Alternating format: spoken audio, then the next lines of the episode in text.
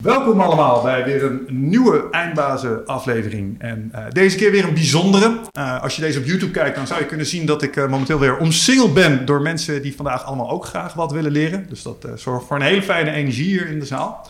En tegenover mij zit iemand die ik nu eindelijk een keer live kan zien. Ja. Want ja, ik heb jou natuurlijk al twee keer gesproken.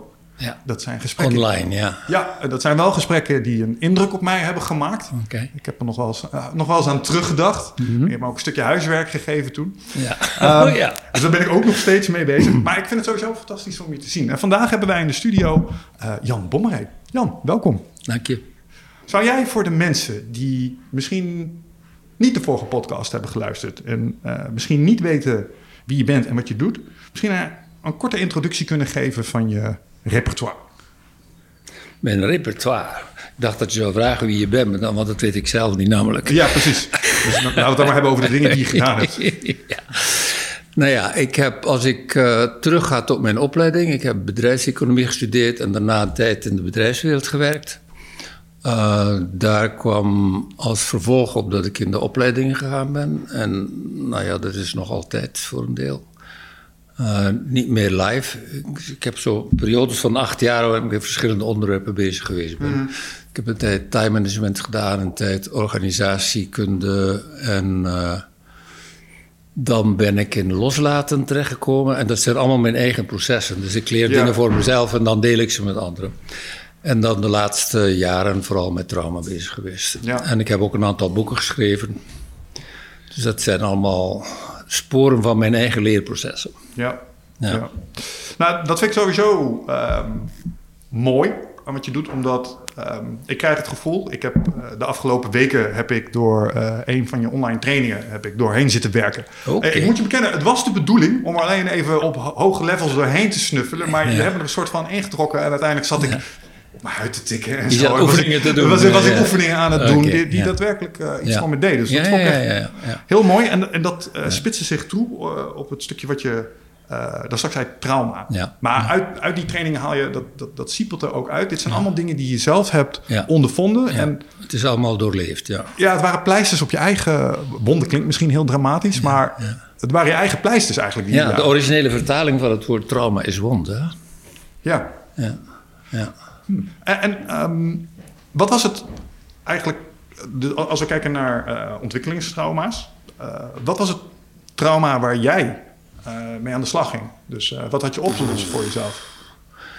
Nou, ik kan die vraag niet beantwoorden, omdat... eh, dat gaat niet over één, één trauma. Het gaat over wat, wat met je zenuwstelsel gebeurt.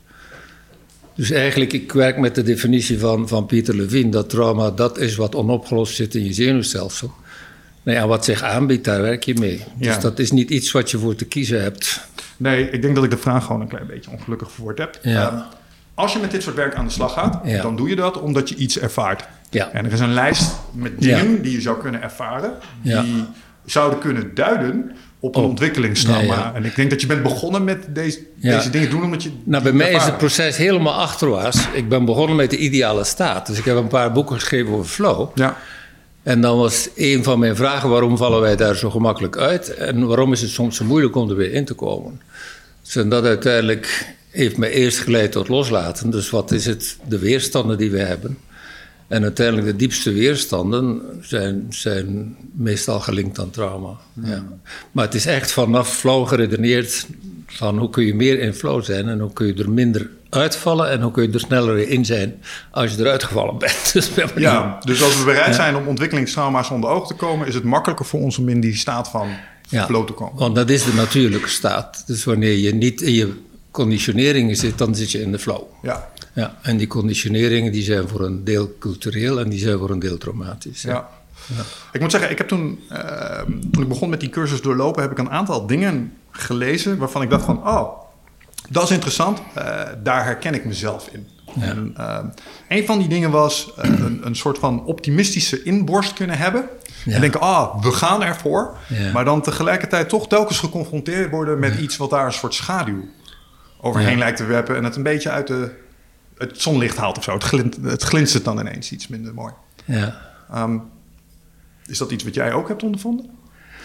Nou ja, ik denk dat dat ook de reden is waarom ik de hele tijd herhaal in de cursus dat je niet te snel moet gaan. En dat je echt moet de tijd nemen om dingen ook te integreren. En, en, en, niet denken van ik ga even snel naar de volgende les. Ja. Dus het gaat zo snel als jouw systeem het toelaat. Ja. Dus die schaduw is niet iets waar je mee worstelt. Het is een, uh, een dialoog als het ware. Ja. Ja. ja. En dat kun je niet afdwingen. Nee. Nou, en, en daar zit denk ik wel de grootste eye-opener voor mij. Omdat als het ging om dit soort dingen... Kijk, ik doe deze podcast al een tijdje. En ik heb ook onder andere Hanna Kuppen en dat soort dingen gesproken. en als je me dan nu... Uh, als je zou kijken hoe ik daar dan in stond destijds... was ik altijd een beetje achterdochtig. Hoe, hoe, kan het nou zijn dat mensen zo gebouwd zijn... dat als er maar dit voor ze gebeurt ergens in de vormende jaren... dat ze dan voor de rest van het leven uh, defect zijn of zo. Leek me zo inefficiënt ontworpen. maar, maar, jij, uh, jij hebt daar een, uh, een label aan gegeven. Um, of het in ieder geval begrijpelijk gemaakt in de vorm van adverse childhood experience en wat het dan deed met de hersenen in die periode. En toen dacht ik, oh, maar dat klinkt heel logisch. Zou je dat eens kunnen uitleggen? Ja. ja, dat is het grote verschil tussen trauma en ontwikkelingstrauma is dat ontwikkelingstrauma in je vormende jaren gebeurt en dus een invloed heeft op de ontwikkeling van je zenuwstelsel, waar dus ook de hersenen bij horen. Maar het, is niet, zijn er niet alleen de hersenen, het is ook je, je hele zenuwstelsel kan beïnvloed worden door, door je eerste jaren. Hmm. En dus wanneer je later in het leven trauma hebt en je hebt geen ontwikkelingstrauma, dan kom je daar sneller uit. Dus mensen die trauma hebben bovenop ontwikkelingstrauma, hebben veel meer moeite om dat te verwerken, omdat hun zenuwstelsel niet zo, niet zo uh, niet zoveel resilience heeft. Uh, wat is dat in het Nederlands? Weerstand. ja, dus vermogen om frictie tot ja, dus, ja, dus terugkomen van. Ja. Dus hoe sterker je zenuwstelsel van bij het begin is, hoe meer adversity je aan kunt later in het leven. Veerkracht is het woord. Veerkracht, dat was het woord wat we zochten, ja. ja dus en, en dat is dus het hele punt dat dat zo weinig begrepen wordt. Dat ontwikkelingstrauma vooral zich uit in de tweede helft van je leven. En die, dat, die relatie wordt bijna nooit gezien. Ja, en uh, je, je, refereerde daar naar een, uh, een boek. En dat heette uh, The Body Keeps Score, zag ik. En daar legde je uit wat er gebeurt met de, onder andere de amygdala en de hippocampus... op het moment dat zeg maar, ergens in de eerste drie ja, levensjaar dingen gebeuren. Ja. Hoe zat dat precies? Ja, dus als je onveilig voelt in je ontwikkelingsjaren, kun je dus grotere amygdala krijgen, waardoor je veel gemakkelijker getriggerd wordt. Je bent gevoeliger. Want amygdala noemt men ook de emotionele ogen. Dus wij kijken naar de wereld ook via de amygdala. En als, als die dus vergroot zijn, reageer je veel sneller op prikkels. En de hippocampus heeft te maken met geheugen. En die, die kan kleiner worden door trauma.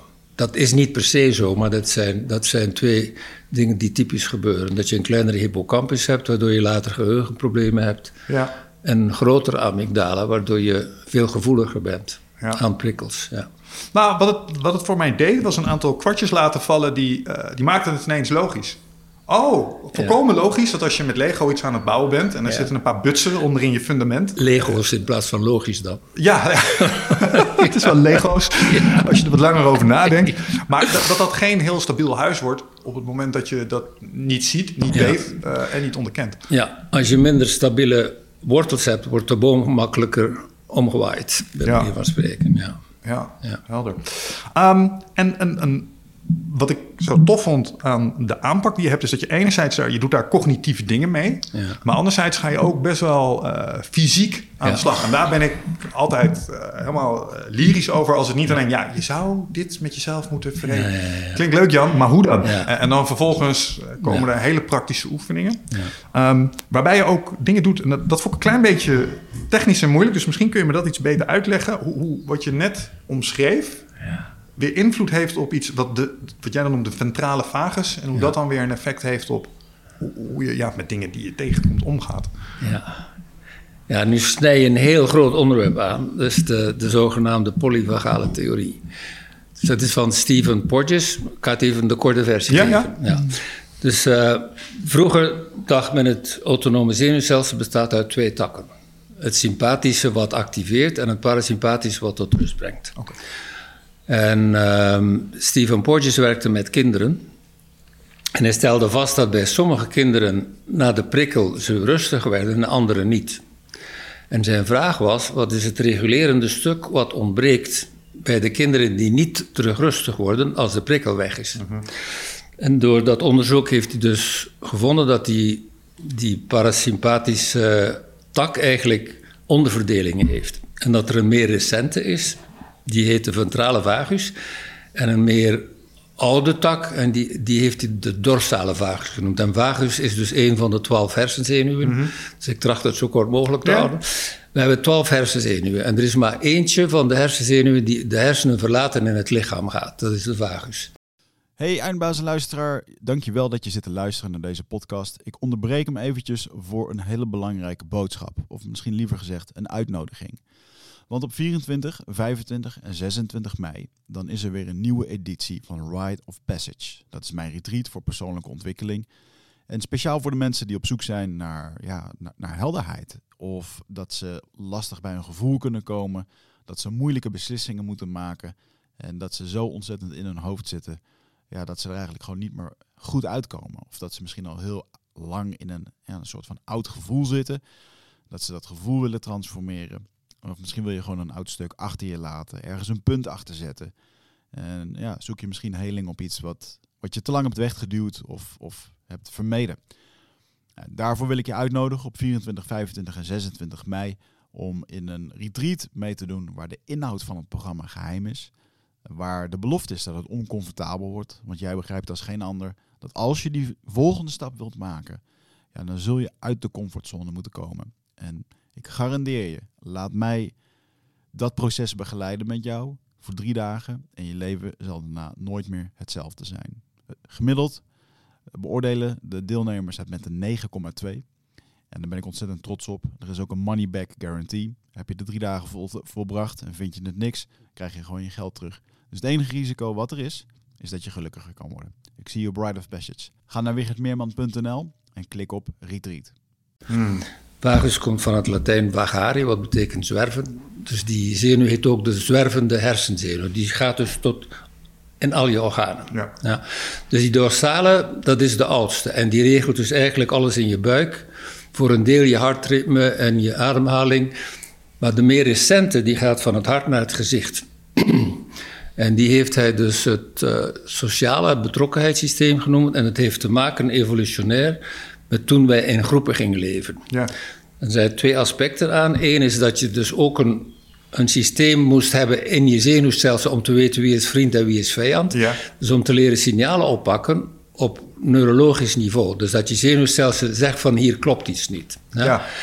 De andere, en dat is in deze tijd de meest belangrijke, is dat die ventrale, een belangrijke functie van de, van de vagus, de ventrale vagus, is dat die de stressrespons uitstelt. Dus als ik bijvoorbeeld boosheid voel, dat ik niet meteen op je gezicht ga slaan. Ja. Dat is dankzij de ventrale vagus. Top ding. Ja. Dus die is verbonden met het gezicht, maar ook met de voorste hersenen. Dus als deze actief is, kan ik redeneren. Als, als deze niet genoeg ontwikkeld is, ga ik gemakkelijker in mijn oude hersenen en dan ga ik wel op je gezicht slaan. Dus je mag kiezen. Ah, dus het is... Ja, nou ja, ik denk dat je ik die eerste optie net iets prettiger vind. Ehm, Ja. Iets wat misschien niet direct te maken heeft met eh, het stukje trauma, maar wel aansluit bij wat je net zei. Wat Mag ik even teruggaan? Ja, ja, naar het tuurlijk, onderwerp? De reden waarom dit werkt, is dat deze tak is evolutionair anders. Ja, Daar zit myeline rond. En dat is een soort vetachtige stof die, die de zenuw uiteinde isoleert.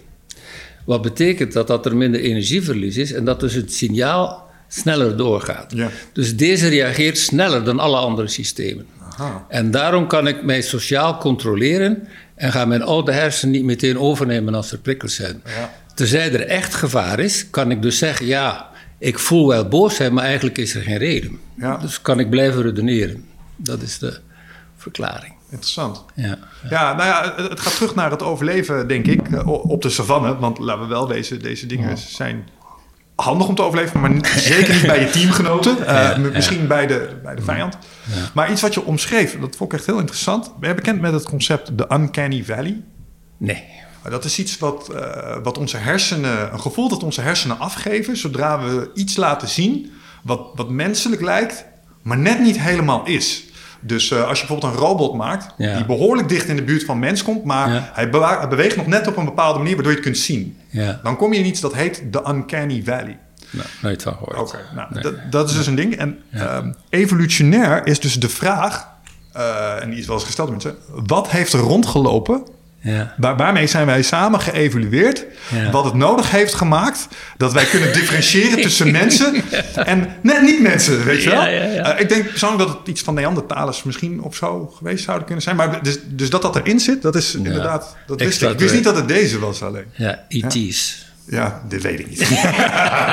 ik hoop het. Het zou, zou leuk zijn. Ja, Misschien kunnen we het er straks nog even over hebben. Ehm, ik wil toch nog even iets vragen eh, over wat ik daar straks al even zijdelings raakte. Ehm, dat ergens vind ik het heel kwetsbaar dat de menselijke psyche in die eerste drie levensjaren zo. eh, Ja. ja, het lijkt fragiel, maar misschien is het niet fragiel. Heb je er wel eens over nagedacht hoe dat misschien tot stand is gekomen? Of misschien dient het wel een doel? Ik weet het niet. Eh, is het misschien een systeem dat een beetje uit de bocht is gevlogen? Heb je daar een idee over? Nou, ik denk dat het leven een intelligent systeem is. Dus ik denk niet dat het een eh, designfout is. Nee, nee, nee. Het zal wel een doel dienen. Nee. Ik denk dat het te maken heeft met dat, dat we eigenlijk zo'n verfijnd systeem hebben. ehm, dat het heel ja, tijd nodig heeft om zich te ontplooien. Dus de, de, de genen bepalen de blauwdruk, maar het is in relatie dat, dat, dat de hersenen eigenlijk echt geconstrueerd worden. Ik denk dat dat echt te maken heeft met het feit dat wij bedraad zijn om in verbinding te leven. Dat dat eigenlijk een basic is. Ja. Dat onze normale staat verbinding is, maar die verbinding leer je door verbinding. Dus je wordt niet geboren met het vermogen om te verbinden, je leert verbinding door te verbinden. Het, het is En ik net als denk, met... niet, ja, ja, ja. ik denk dat dat de reden is dat het zo in elkaar zit, Dus het is een soort spier die ook ontwikkeld zou moeten worden. Bij manier van spreken. Ja, ja, ja. Ja. Nou ja. Ik, ik volg hem wel. Want kijk, eh, we, moeten ook leren lopen. is ook cruciaal in ons ding. En als je in je begin, de eerste drie jaar iets overkomt... waardoor je loopgestel wordt... dan heb je daar de rest van je leven misschien ook last van. Dus kind of makes sense. Ja, ja. Oké. ehm, een van de dingen die ik daarnet al eh, aanraakte is... eh, wat ik zo tof vind aan hoe je hier mee aan de slag gaat... is dat je direct dingen gaat doen die Ja. voor mij een, een waarneembaar effect hebben. Ja. En, Ja. Nou ja, daar is iedereen gek op natuurlijk. Want we zijn het liefst gisteren van eh, onze dingen af. Ja. Ehm, maar eh, het- ik, ik wil het graag even met je hebben over die Mhm. eh, technieken die je aanreikt. ja. Maar misschien goed om daar nog wel dan even de disclaimer bij te maken die je daar straks al maakte. Dat het, het is geen easy fix dit. Nee. Want ik, had direct een effect. ik ben maar- er al wat langer mee bezig. ja, ja, precies. Dus het is geen paracetamol in dat opzicht. Nee. Nee. Nee. Oké. Ehm, Nee, juist het feit dat je moet nieuwe zenuwbanen aanleggen, dat gaat niet in 24 uur. ja. Het is een, een her, herbouwen eigenlijk van je zenuwstelsel. Ja. ja, en je doet dat op een aantal manieren. Ja. Uh, een van die manieren is ritmisch ademen. Daar kunnen we het misschien zo nog even over hebben. Ehm, en, en een ander zijn een, een set aan somatische oefeningen. ja. En toen ik dat zag, dacht ik, oh, dat klinkt echt fancy. Wat, wat zijn somatische oefeningen? Nou ja, ik ben nogal van de etymologie, dus van waar woorden vandaan komen. Ja. Soma betekent levend lichaam als contrast met lijk. Oké. Ja, Ja. Dus een lijk is dood, soma is een levend lichaam. Dus je, je werkt eigenlijk met het, het lichaam, met de levensenergie in het lichaam. En de somatische oefeningen zijn eigenlijk vooral gericht op datgene wat het lichaam laat leven, die levensenergie. En dat is juist wat bij trauma gebeurt, dat die levensenergie niet meer vrij kan stromen. Dus om die energie te bereiken en daarmee te werken, moet je naar binnen gaan. Dus al die somatische oefeningen betekenen dat je moet naar binnen gaan met je aandacht en dieper in het lijf kunnen voelen. En dus een van de grote problemen van, van trauma is dat je niet meer goed in je lijf kunt voelen. Dus dat die je ook weer op te bouwen. En veel van die oefeningen hebben daarmee te maken dat je terug in je lijf moet leren voelen. Ja. Dus ik denk dat iedereen wel vertrouwd is met de gedachte dat veel mensen in hun hoofd leven. Dus er zijn mensen die echt niet meer in hun lijf kunnen voelen. En dat is, ja, dat is natuurlijk een hele oefening om dat wel weer te leren. Ja, Nou, dat, daar heb ik over nagedacht, omdat een van de dingen die door mijn hoofd echoot sinds ik met die uh, training bezig ben geweest. Het is wel grappig dat je zegt dat het in je hoofd speelt. Ja, nou ja, ja, zo gaan die dingen dan bij mij. ja. Maar het geeft me een gevoel als, we, het, als we het dan uh, daarover moeten hebben. Maar het was uh, de spijker op zijn kop. Want het gaat over voelen. En ergens in, in de masterclasses heb je het over buikveiligheid. Ja. En toen dacht ik, dit is waarom ik in mijn hoofd zit. Ja. Want er is een soort permanente knoop in, in mij, zeg maar. En die zit er altijd. En als ik er naartoe ga, dan... Oh, ja. Oh. Uh, en, en, dan ga ik liever twee verdiepingen boven daar zitten, want daar is het leven zonnig. En dan... Uh, en wat ik interessant vond is de relatie tussen die twee. Dus die, die knoop in mijn buik enerzijds en die somatische oefeningen anderzijds. Kun je daar eens iets over zeggen? Ja, nou, de timing is ook leuk. De volgende week zit ik in een podcast met, met Judith Kokken. en een aantal mensen kennen misschien Judith Kokken van Kinderbuik en Co. Oké. En zij zegt iets heel moois daarover. Ze zegt, we hebben nog allemaal onze kinderbuik. Dus wat je in je eerste jaren opslaat aan informatie wat te maken heeft met, met angst en zorg enzovoort, dat zit nog altijd in de kinderbuik. En de kinderbuik zit nog in onze buik. Hmm. Dus wanneer, wanneer die buik gaat samenknijpen, dat heeft heel vaak te maken met, met onze kindertijd. Want mensen die kinderen hebben weten hoe dat zit, dat kinderen heel snel zeggen: Ik heb buikpijn als ze stress hebben. Dus wij, kinderen leven vanuit hun buik, die zitten nog niet in dat hoofd. Mhm. Dus eh, vaak denken de ouders dan: verzint het om niet naar school te moeten. Maar het is dus werkelijk zo dat kinderen heel gemakkelijk in hun buik voelen dat ze stress hebben. Ja.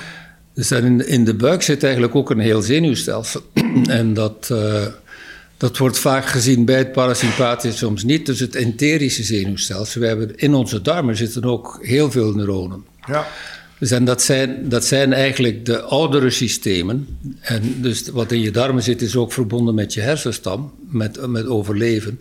Dus wij reageren eigenlijk, wanneer we nog geen denken ontwikkeld hebben, reageren we helemaal vanuit de buik. Ja. Dus onze meest primitieve reacties van onze eerste jaren, als die verstoord worden, heb je dingen die nog in je buik moeten verwerkt worden.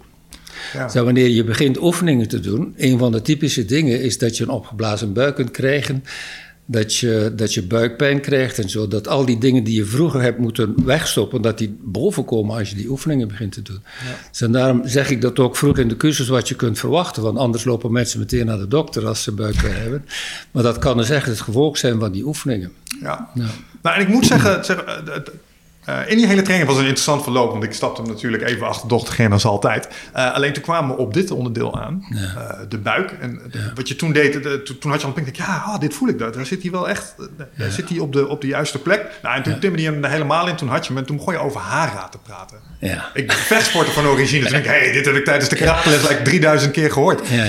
want, want daar zit de centrale kracht waar al je stoten en je energie uit, uit wegkomt. En, in het Nederlands heet dat het zwaartekrachtpunt. De hara is zo meer een Oosters woord. Ja. Maar dus dat zit onder je navel, ja. Dus er is eigenlijk een dynamisch evenwichtspunt. dat is ook gelinkt aan je oren, trouwens. Hmm. Dat weet je uit de gewestkunst. Nou ja, ik weet dat ik mensen op hun oren moet slaan als ik ze snel wil uitschakelen. ik denk dat het daarmee te maken heeft. Oké, okay. en, en, en wat doen we nou in die um, somatische... Wat is het mechanisme? Dus door die somatische oefeningen te doen... Wat, wat, zijn we nou eigenlijk aan het, aan het doen dan in die, in die buik? Zijn we uh, verklevingen aan het oplossen? Of zijn we een zenuwstelsel aan het stimuleren? Wat, wat zijn we dan nou, Dat zijn veel vragen tegelijk. Dus eigenlijk is het zo dat zolang je lijf niet genoeg veiligheid in de buik voelt, die oefeningen niks doen. Juist. Ja, dus vandaar dat vrij vroeg in de cursus komt iets wat heet het containerbegrip. Ja. Dus als je container klein is, dan kunnen geen dingen bovenkomen vanuit je buik. Dus laten we zeggen dat de buik het meeste overeenkomt met wat wij het onderbewustzijn noemen. Dus dingen die je diep wegsteekt, zit, zit een hersenstam buik. Ja. Ja. Dus naarmate de container groter wordt, kunnen andere lagen bovenkomen. Dus het, het werk is in hoge mate eerst om die veiligheid op buikniveau te kunnen voelen. Want je kan wel zeggen tegen jezelf, ja, er is nu toch geen gevaar. Waarom zou ik me nu onveilig voelen? Maar dat, het lichaam snapt dat niet. Dus je moet echt tot op, tot op buikniveau kunnen voelen dat het lichaam weet ik ben veilig en dan kan het ontspannen. Ja. Dus een van de problemen van vroeg trauma is dat je altijd het alarm hebt aanstaan. Dat op een of andere manier heb je een onbestemd gevoel van iets kan gebeuren. Impending doom. Zoiets. Alsof er iets boven je hoofd hangt. Ja, Ja, dat gevoel van als het maar goed gaat. ja dat. Ik weet nog toen mijn eerste zoon geboren werd, dat gevoel zo van, oh dat wonder. En dat je meteen denkt van, ik hoop dat alles goed is. Dus Dat, dat zit er altijd bij zo, de, van wat zou er nu kunnen fout gaan. ja, Ja. ja, ja, ja, dat herken ik echt heel erg. ja. Ehm, en ik moet zeggen, eh, toen, toen je in de training begon over het containerprincipe, je hebt al een aantal van die figuren. Dan dacht ik, oh ja, dit is, dit is Ja. het probleem. Alleen ik, ik merk ook dat ik, beetje afhankelijk van hoe ik in mijn energie en in mijn mentale staat zit, lijkt mijn container ook groter Ja. en kleiner te Ja, ja, worden ja. eh, Ja. soms. Dat klopt, ja. Ehm, maar misschien, misschien kun je er iets meer over vertellen, want je combineert het met iets en dat noem je het tolerantievenster. ja. Wauw, je had echt alles erboven.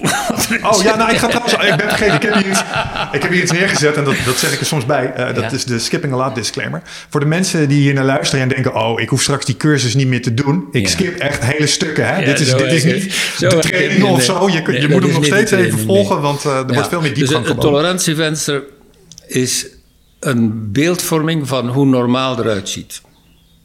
Dus als je, als je, niet, als je veilig gehecht bent bijvoorbeeld... en je hebt niet een hoop trauma... dan heb je een breed tolerantievenster. Wat betekent dat? Dat je heel veel aan kunt zonder dat je getriggerd bent.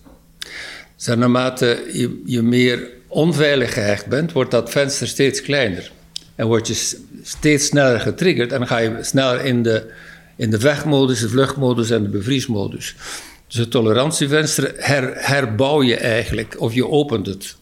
Dus naarmate je container groter wordt, heb je ook meer, meer ruimte in, in het tolerantievenster. Ja, meer- En dus een van de dingen die mensen ervaren door oefeningen te doen, is dat ze minder snel getriggerd worden. Dat betekent dat hun tolerantievenster groter geworden is. Dus ik gebruik daar het beeld voor met die container en dat venster. Als je een, een steen in een glas water gooit, is het storm. En als je dezelfde steen in een meer gooit, is het nauwelijks te zien. Dus ons vermogen om om te gaan met de buitenwereld hangt af van ons innerlijk vermogen.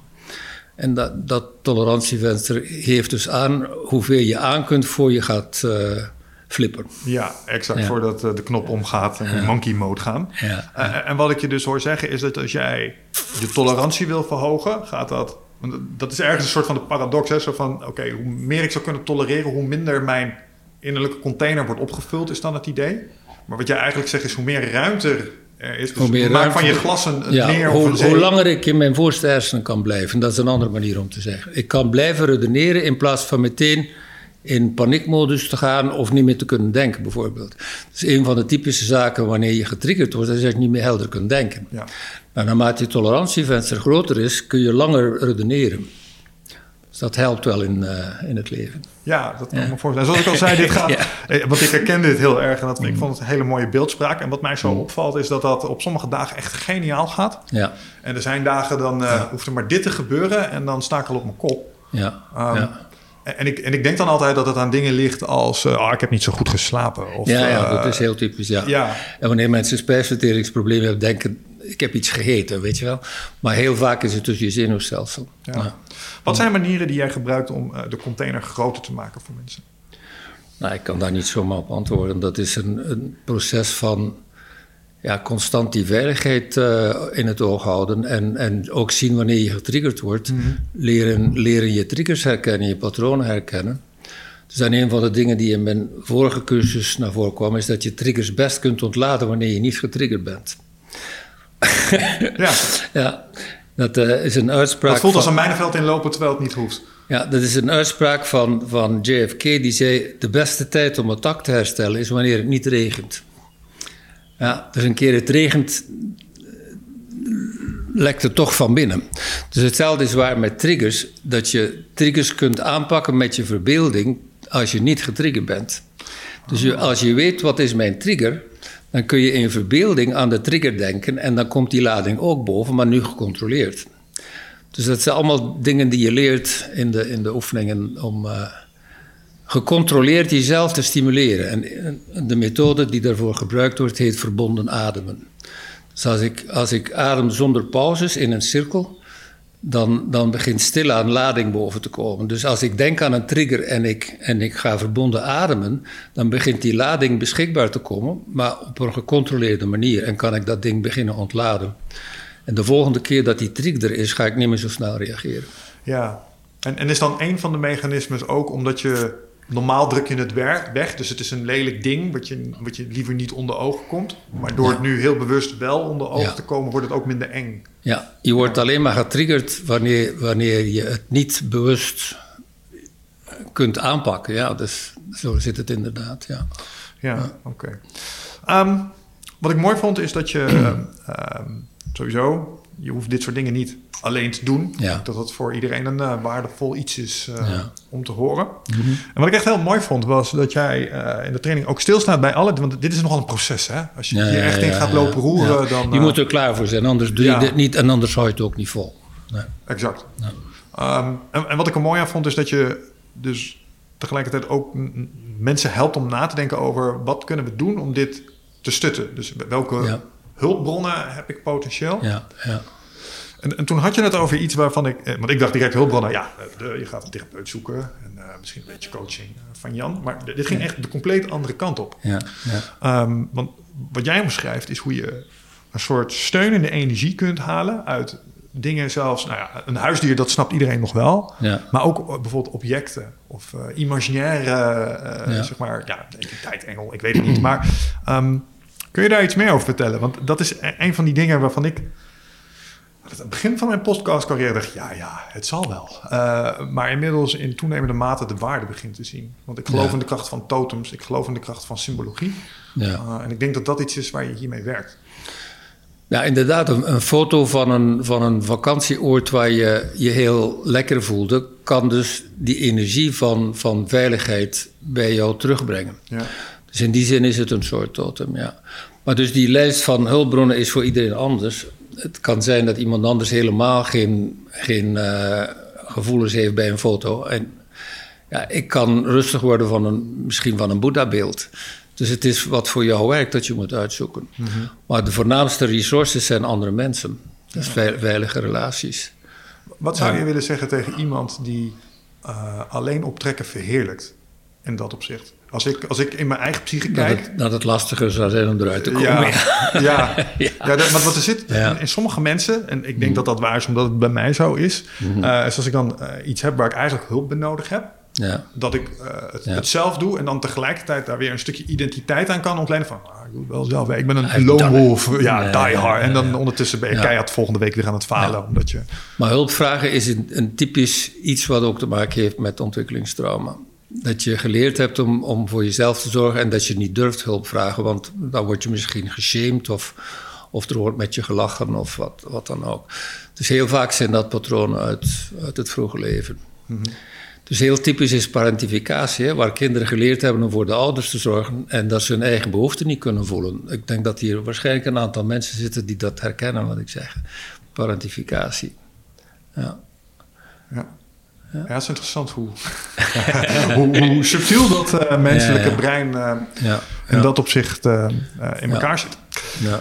Alright. Ehm, wat ik ook fijn vond om ehm, te bemerken is... nou, je bent sowieso heel lief voor je deelnemers. Laten we daar eens mee beginnen. En, ik, ben, ik ben van de categorie, en misschien te onrechte... zachte, heel meestens stinkende wonden. ja, maar niet in dit geval. Nee, exact. Nee. Eh, want toen kwam je bij iets wat ik kende van scheikunde. Toen had je het ineens zo over titeratie. Toen dacht ik, hé, hey, dit ken ik. Ja. Ehm, Ja, en, maar, maar zoals je het uitlegde, eh, was het eigenlijk het, het niet opnieuw... Ja, ik denk dat ik het verhaspel. Het niet opnieuw activeren van je trauma? Of, niet hertraumatiseren. ja, ja, exact. Maar Maar- dat is dus echt heel typisch voor ontwikkelingstrauma, dat je met dat kwetsbare kind aan het werken bent. En dat je dus heel, heel zachtaardig en met heel veel geduld moet doen wat dat kind niet gekregen heeft op het moment dat het toen nodig was.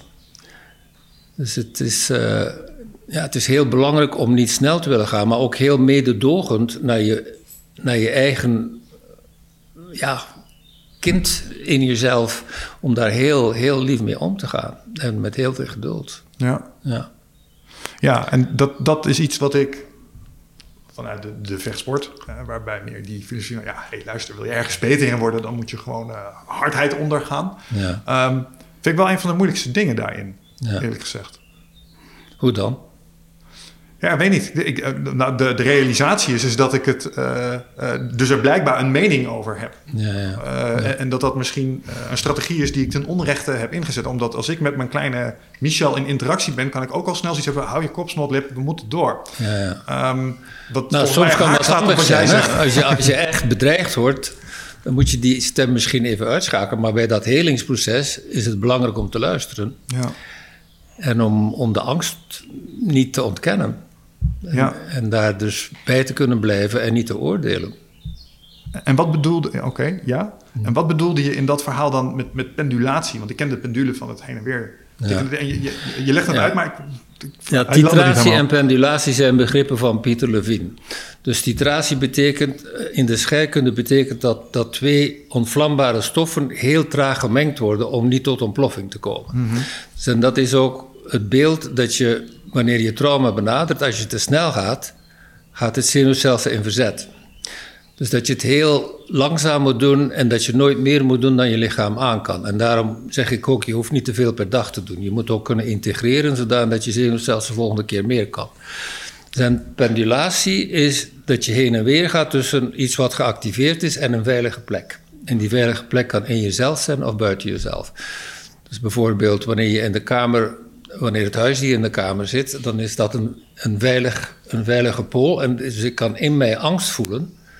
En ik kan penduleren met, met de onschuld van het huisdier. Heen en weer gaan tussen die twee. En dan kan ik dus makkelijker dit ontladen zonder overweldigd te worden. Dat is wat pendulatie is. Heen en weer gaan zoals de pendel. Ah, dus als ik Tussen even- een activering en een veilige plek. Ja, ja, ja. Dus, dus ik, ben, ik, ben, ik zit in een, in een trigger te werken. Nu wordt de emotie op een bepaalde manier gaat Ja. boven, een bepaalde, boven een bepaalde threshold uit. In plaats van er helemaal in te duiken, doe ik het in stapjes. Ja, en nu ik ga ik, heb een stukje activering, een stukje veiligheid. Een stukje activering, een stukje veiligheid. Oh, dat Ja. is echt heel interessant. Dat lijkt op iets wat ik eh, ergens anders een keer gelezen maar ik wil even zeker weten dat ik hem goed begrijp. En dat stukje veiligheid zit hem dus bijvoorbeeld in een beeld oproepen van, ik noem maar iets, huisdier of die plek waar je het over had. Bijvoorbeeld, ja. Dus voor, voordat je penduleert, moet je weten wat is voor mij een veilige plek. Dat kan innerlijk zijn, dat kan denken zijn aan iemand die heel dierbaar is. Eh, Het kan, kan van alles zijn. Ja. Het, het lijkt een heel klein beetje, maar volgens mij is het ergens ook wel heel anders. Ehm, ken jij de term een energy conversion box vanuit?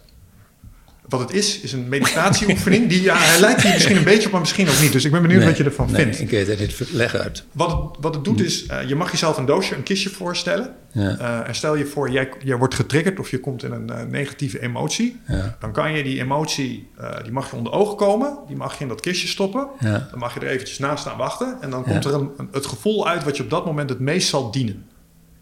Is het, is het, is Hmm. het ding. En wa- waar het op blij, En dat zijn vaak positieve gevoelens. Ja. En, en wat, wat dat voor mij doet, is dat... Oh, ik heb een heel moeilijk gevoel. Maar nu, nu tegelijkertijd, kort Ja. daarop, associeer Ja, ik dit dat- met een ander gevoel. ja, dat is een soort pendulatie. Ja, oké. Ja, nee, nou, duidelijk. Ehm, en, en wat doet dit eh, onder de motorkap? Is, is dit dat eh, heropbouwen van dat zenuwstelsel waar je het had? Door er eigenlijk gewoon kleine prikkelingen te geven aan het systeem? Gaat het zich adapteren? Ja, er is de bekende uitspraak: neurons that fire together, wire together. Ja. ja dus dat is inderdaad hoe dat werkt. Maar de ver- verwarring is vaak dat men dan veel te heftig gaat activeren en dan werkt het niet meer. Dus dat, dat wiring gebeurt alleen maar als er veiligheid is. Dus daarom moet je zachtjes prikkelen en niet zo. Veel van de oude traumamethodes zijn heel agressief waar je heel veel boven haalt en dan moet je door allerlei heftige processen gaan. Maar voor ontwikkelingstrauma is dat heel destructief. Dus een, een, ik kan me voorstellen dat een, een eh, shocktrauma onder begeleiding, dat je daar kunt doorheen werken en dat je een snellere heling hebt. Maar voor ontwikkelingstrauma is dat absoluut contraproductief. Ja, omdat het, het kind zich nog onveiliger gaat voelen door alle... Ja, en veel, de meeste ontwikkelingstrauma's zijn complexe trauma's, niet shocktrauma's. En complex betekent kleine dingen die samen traumatisch zijn, maar apart niet. Ja. Dus als ik als kind huil en ik word niet opgepakt, is dat niet traumatisch. Maar als dat tien keer gebeurt, is het wel traumatisch. Ja. Dat is complex trauma, Ja. sim- simpel uitgelegd. Ja, ja, omdat je uiteindelijk een betekenis bent gaan toekennen waarschijnlijk. Het is omdat je voorspelt van, van ik ga toch niet opgepakt worden, maar een kind denkt zo niet. Hè? Het is allemaal neurologisch. Dat je eigenlijk opgeeft voordat je begint te huilen, je huilt niet eens meer. Dus Want er is een vroeg- patroon gecreëerd waarbij huilen Vroeger niet... had je ja, dus ja. een opvoedingsmethode. Als je het kind laat huilen, gaat het wel voorbij. Dus en dan denkt men het heeft gewerkt, maar eigenlijk heeft het kind opgegeven om hulp te vragen. Ja, Dat is wat gebeurt. Ja. En dan is het dus wel traumatisch. Ja. oké. Ik snap het. Ehm, je had het daar straks al over eh, de disclaimer die je gaf aan het begin van de training... op het moment dat je wat eh, werk gaat doen. Ik ben benieuwd, wat is je ervaring met hiermee beginnen en ogen? Ik, ik, ben, ik ben hiermee een beetje van slag. Ik heb een druk achter mijn ogen gehad eh, Ja. de laatste week. Als ik dan van links naar rechts keek, dat, dat voelde ik gewoon. Dat deed zeer. Naar boven keken deed een beetje zeer. Nekspanningen en dat soort dingen. Ja. Que pasa? Ja, er, is je gedaan met me. er is een soort, een soort stelling, ik weet niet of ze waar is, dat wel 80% van de stress via onze ogen komt. Wij leven heel visueel in deze maatschappij. En dus met, met het hele schermgedoe is dat nog veel meer. Ja. Dus je ziet ook heel veel en je hersen moet het allemaal verwerken. Ja. Dus het komt via de ogen binnen en dan heeft het dus een invloed op jouw visuele cortex. Dus het wordt allemaal opgeslagen. Alles wat wij zien wordt gestockeerd. Ja. Dus ook als je het niet verwerkt, wordt het wel opgeslagen. Ja. Dus al die prikkels, dat is waarom ook zoveel meer mensen onderuit gaan. Omdat wij zo geprikkeld worden de hele tijd via de ogen. En misschien weet je ook nog uit de cursus dat vijf van de hersenzenuwen hebben met de ogen te maken. Van vijf van de twaalf hersenzenuwen zijn oogzenuwen. Ja. Dus kun je je voorstellen wat de ogen met de hersenen doen. Dus er zijn ook mensen die zeggen de ogen zijn eigenlijk deel van de hersenen. Want als je dus kijkt, de oogzenuw, die, die, die zit dus, ja, de ogen zitten dus vlak bij de hersenen. Mhm. Dat is een kort lijntje. Wat Dat is een heel kort Ja. lijntje. Ja, ja. Ja, maar ik kan wel... Maar wij kijken dus niet met de ogen, hè? wij kijken met onze, met onze visuele cortex. Dus die, die spanning die zit in je achterhoofd. Ja. Ja, en, en je voelt die natuurlijk in je ogen ook, maar dat is, dat is veel meer dan de ogen. Nou, dat vind ik echt heel typisch dat je dat zegt. Want een van de dingen die ik eh, echt heb ondervonden... is dat ik ging ermee aan de slag. En inderdaad, de ogen begonnen zeer te doen. En toen werd ik s'nachts gewoon een keer wakker van een, een Ja. zeer achterhoofd. Ja, ja, echt ja. ongenadig. Ja, Wat is er aan de hand? Wat ben ik aan het doen hier? Eh, Maar ja, ik geloof tegelijkertijd ook wel dat je soms wat ongemak door moet... om het op te lossen voor Maar het jezelf. is ook heel typisch dat je daar s'nachts wakker van wordt. Oké. Dat je dus s'nachts vallen je verdedigingsmechanismen weg en dan komen dingen boven. Ja. Dus het is mij heel vaak overkomen dat ik s'nachts een uur moest opzitten. Om dingen te verwerken die ik overdag eigenlijk losgemaakt had. Ja. Nu heb ik dat veel minder. Nu heb ik dat 's ochtends. Maar vroeger had ik dat midden in de nacht. Soms in. Je weet, organen hebben ook een periode, vaak in de leverperiode. Dat heeft met boosheid te maken. Ja. Dan, dan zit je dus een uur dingen te verwerken en dan kun je weer slapen. Maar als je in bed blijft, kun je toch niet meer slapen. Dus, Dat wat ik nu vaker heb, is dat ik 's ochtends eerst water drink en dan een, een tijdje zit om te verwerken wat er s'nachts allemaal gebeurd is. Hmm. Ja. Hoe, hoe eh, ervaar jij dromen in dat opzicht? Want er, zit soms, er lijkt soms een relatie te zijn tussen wat ik stelt mee... wel vragen. Ja, nou ja, eh, als je het hebt over s'nachts wakker worden met een bepaalde ervaring, dan merk ik dat ik daarvoor vaak ook wel in een. Het heel vage s- staan van zi- zijn is dat. Dan ben ik niet echt aan het dromen, maar ik ben ook niet echt aan het slapen. En ik zweef er een soort van tussenin. Ik, ik weet, ik, ik wil eigenlijk in die ene wereld over, maar ook niet, want ik vind hem vervelend. Ik wil hier eigenlijk het liefst weg. Ja, ja, ja. En dan zijn hele Dat is dus heel typisch voor het verwerken van trauma. Hm. Nou, Bessel van der Kolk met zijn team heeft dus vastgesteld dat de traumaverwerking tijdens de nacht vooral gebeurt in de remslaap. Ja. En de remslaap is dus de droomslaap. Ja. Dus vandaar dat je soms, voordat je helemaal wakker bent, toch al in de droom wakker bent. Ja. Maar dan ben je eigenlijk bezig met dingen te verwerken. ja, het gebeurt ook altijd aan de rechterkant van de nacht. Dus eh, voorbij het midden van de nacht ongeveer. Ik zou het niet weten. Als ik mijn diepe slaap... Ja, ik geloof dat rem volgens mij na vier slaapcycli pas echt eh, wordt geactiveerd. Dat is vier verschillende, je hebt Ja. verschillende remperiodes. Dus je hebt eigenlijk, je slaapt in een cyclus van 90, 90 minuten. Dus eh, elke 90 minuten heb je een remperiode. Ja, Ja. alright. Ehm, iets waar ik het eh, graag met jou over wil hebben is iets... je had het er straks ook al even over. Hoe frustratie en enge dingen zich eh, manifesteren bij mij is in eh, woede. Boosheid. In woede, ja. Ja, dus Ja. wil ik er iets aan doen? Voel ik een hoge actiebereidheid? En eh, Ja. moet het allemaal gisteren gebeurd zijn? Ja. En eh, dat slaat altijd op mijn lijf. Dus eh, mijn, mijn schouders slaan vast. Ik merk dat ik dan, zo- dan zit ik zo en dan denk ik, oh, dit kan echt Ja. helemaal afvallen. Ja. Ehm, en ik moet zeggen dat ik ergens wel fijn vond dat jij boosheid niet meteen wegduwt als een negatief Nee. iets. Nee. Wat vaak wel, er er lijkt een soort oordeel op. zo, Oh, boosheid is helemaal niet eh, Ja. goed. En dan kan ik me kloten voelen dat ik weer eens uit de bocht ben ja, gevlogen. vaak heb je dat als kind gehoord. Je moet je niet zo opwinden. Ja. Misschien een keer of twee, ja. Een keer of twee, ja. ja, ja. Nou ja, boosheid, de basisfunctie van boosheid is, is grenzen aangeven. Dus als je dat in de dierenwereld ziet, dan gaan, als een dier gaat grommen, dat betekent ik, ik wil niet vechten, maar blijf nu weg. Ja. en je, dus het is een signaal eigenlijk dat je grens overschreden wordt. En dus een van de nadelen van trauma is dat je niet meer weet dat je grenzen overschreden worden. Dus dat je, dat je misbruikt wordt omdat je geen grenzen hebt. Dus ik heb dat ook moeten leren. Ik had geen grenzen. Dus dan is het ook herkenbaar dat je moeite hebt om nee te zeggen, bijvoorbeeld. Ja. Dat je eigenlijk geen grenzen hebt. Dus je voelt ze ook niet. Vandaar zijn er ook meerdere oefeningen in de cursus die te maken hebben met grenzen. Ja.